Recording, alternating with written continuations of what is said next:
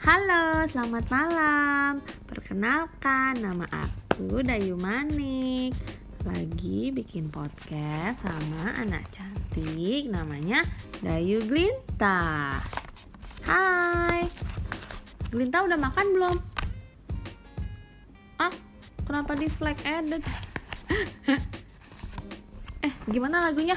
Twinkle, twinkle, little star. Nggak mau, record. Sekali deh, ya. Oke. Bayi Glinta ini umurnya 17 bulan. Kita gendong. Ya. Bye-bye. Bye. Bye.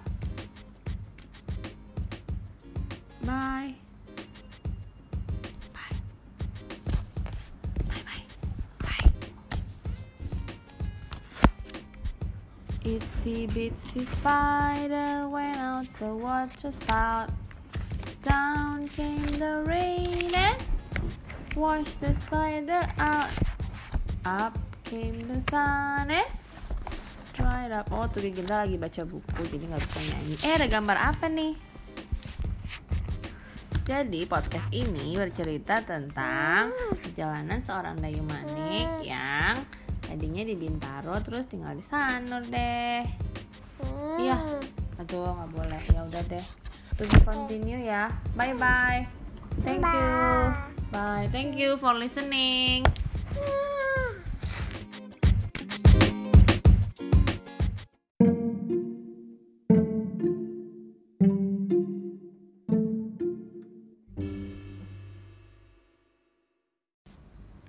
Halo, kembali lagi bersama Dayu Manik from Bintaro to Sanur.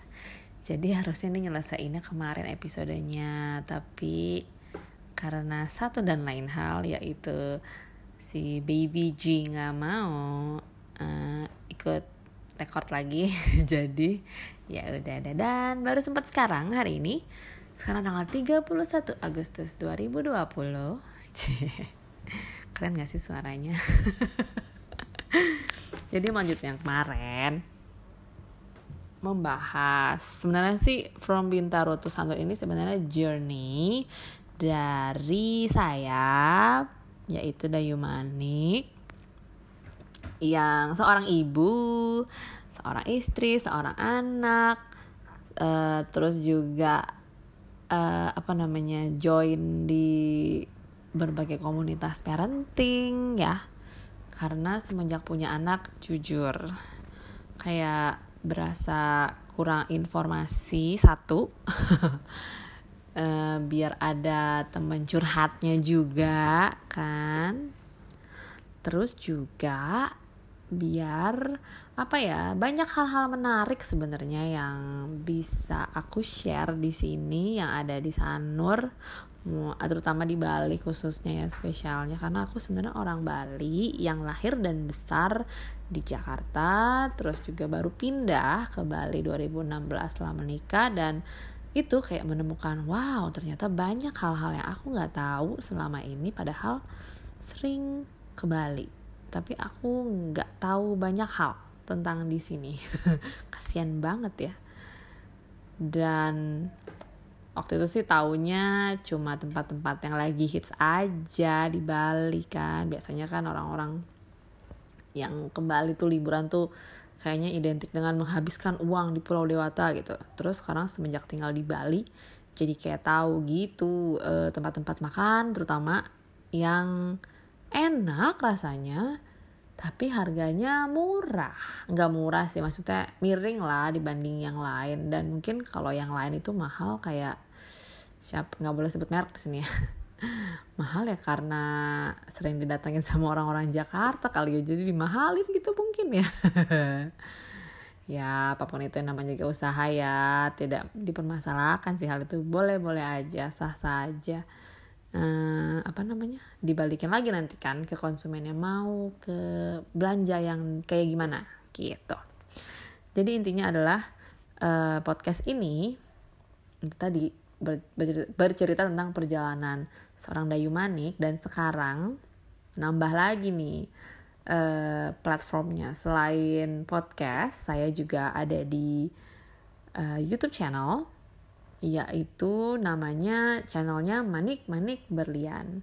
Emang nama saya Ida Ayu Manik, nah ada ada maniknya. Dan saya berkecimpung di dunia jewelry. Jadi udah dari 2017 exactnya kita mulai usaha. Jadi saya dan suami saya sebagai uh, bagian salesnya, bagian ya yang ngurusin keuangannya, suami yang desainernya.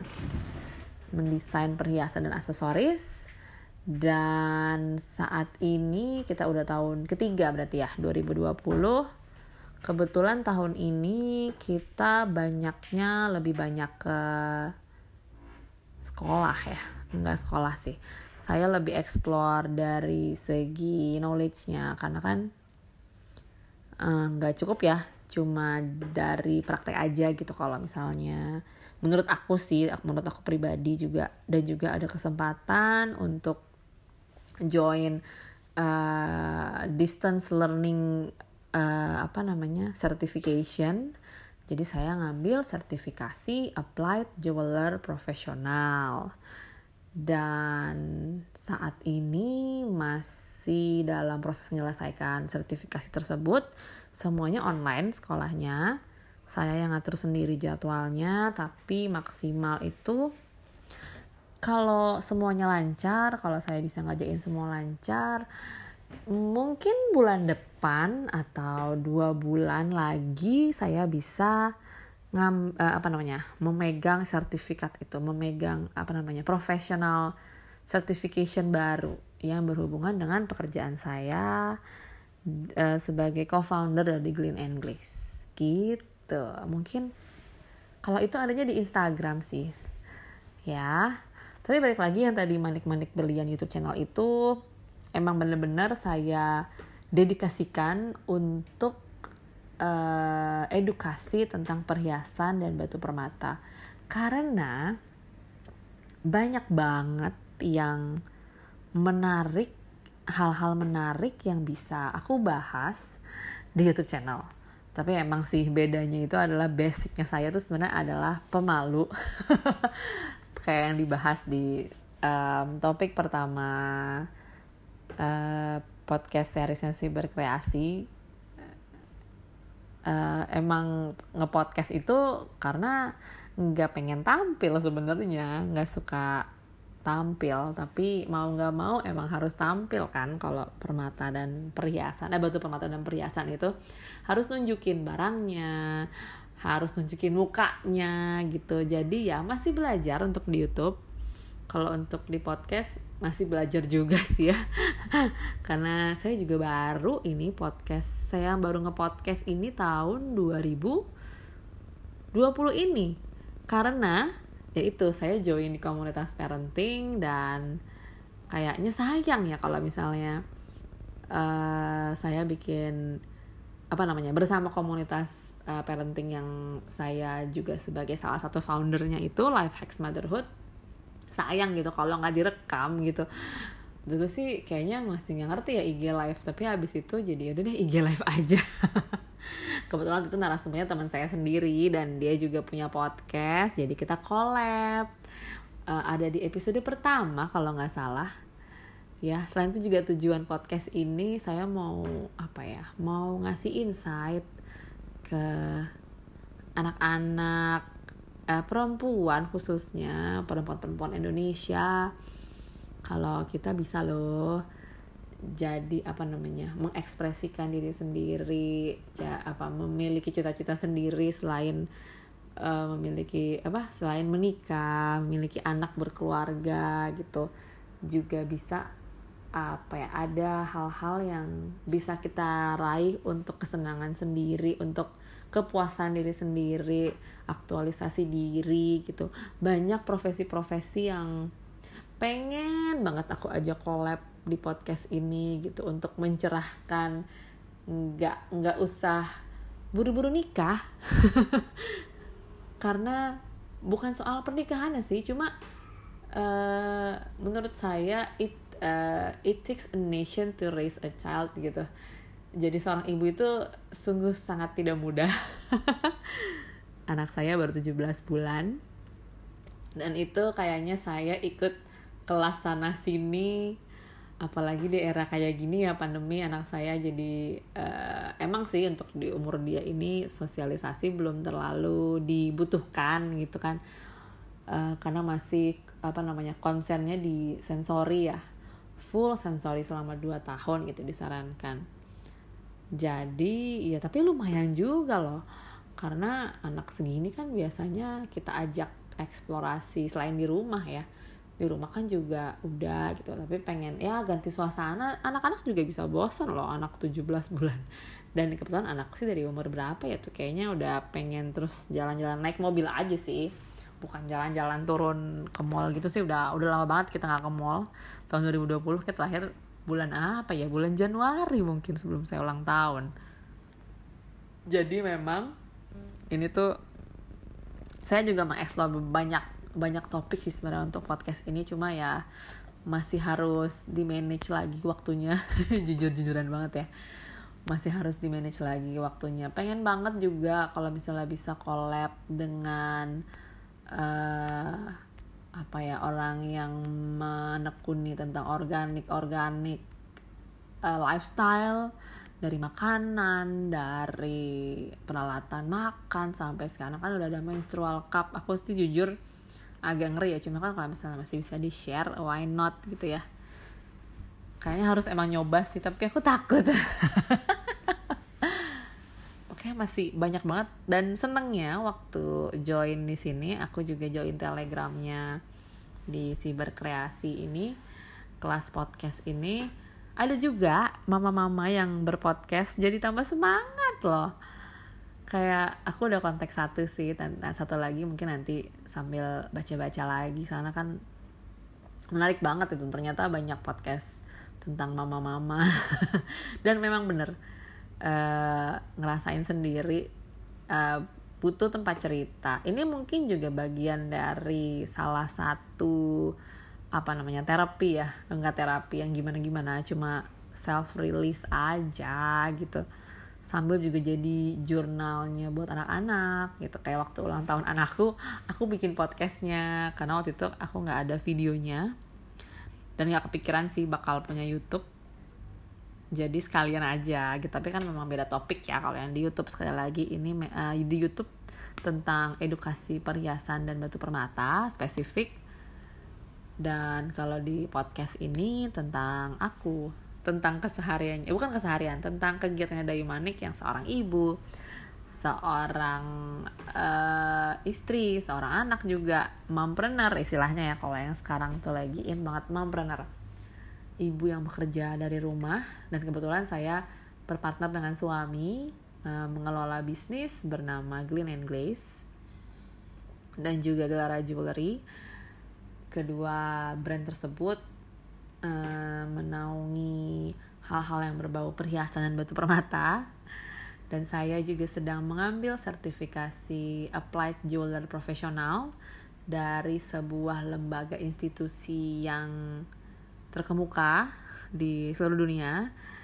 Jadi dengan harapannya sih semoga bisa memasyarakatkan batu permata dan juga perhiasan itu bahwa hal itu uh, apa namanya teman-teman bisa memiliki perhiasan yang desainnya itu benar-benar teman-teman banget gitu dan ini kaitannya juga bisa dengan mama-mama sih ya karena kan uh, mama-mama itu butuh diapresiasi. Emang sih kita kerjanya kayak nggak ada habisnya ibu-ibu itu. Aku juga lihat sendiri mamaku. Mamaku kebetulan nggak kerja. Uh, ibu rumah tangga full ibu rumah tangga yang pekerjaannya tidak ada habisnya. Kadang sampai uh, apa namanya amazed sendiri gitu kayak kagum banget sama mamaku.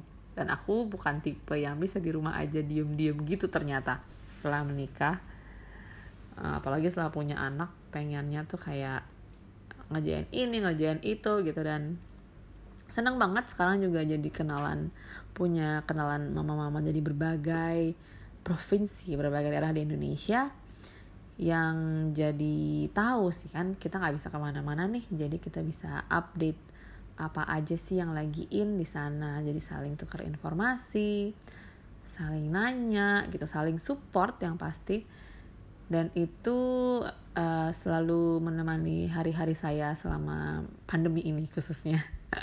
Saya jadi juga belajar ngomong sih banyak banget ya. Belajar ngomong di depan publik biasanya saya selalu menghindari itu sejujurnya. Tapi sekarang mau nggak mau um, semuanya juga sudah mengarah ke sana. Ya branding segala macem jadi setelah dijalani pun aku senang banget sih khususnya yang di podcast ini aku senang banget bisa menemukan platform yang aku bisa sharing uh, informasi yang aku miliki tentang expertise yang aku miliki ke teman-teman semuanya.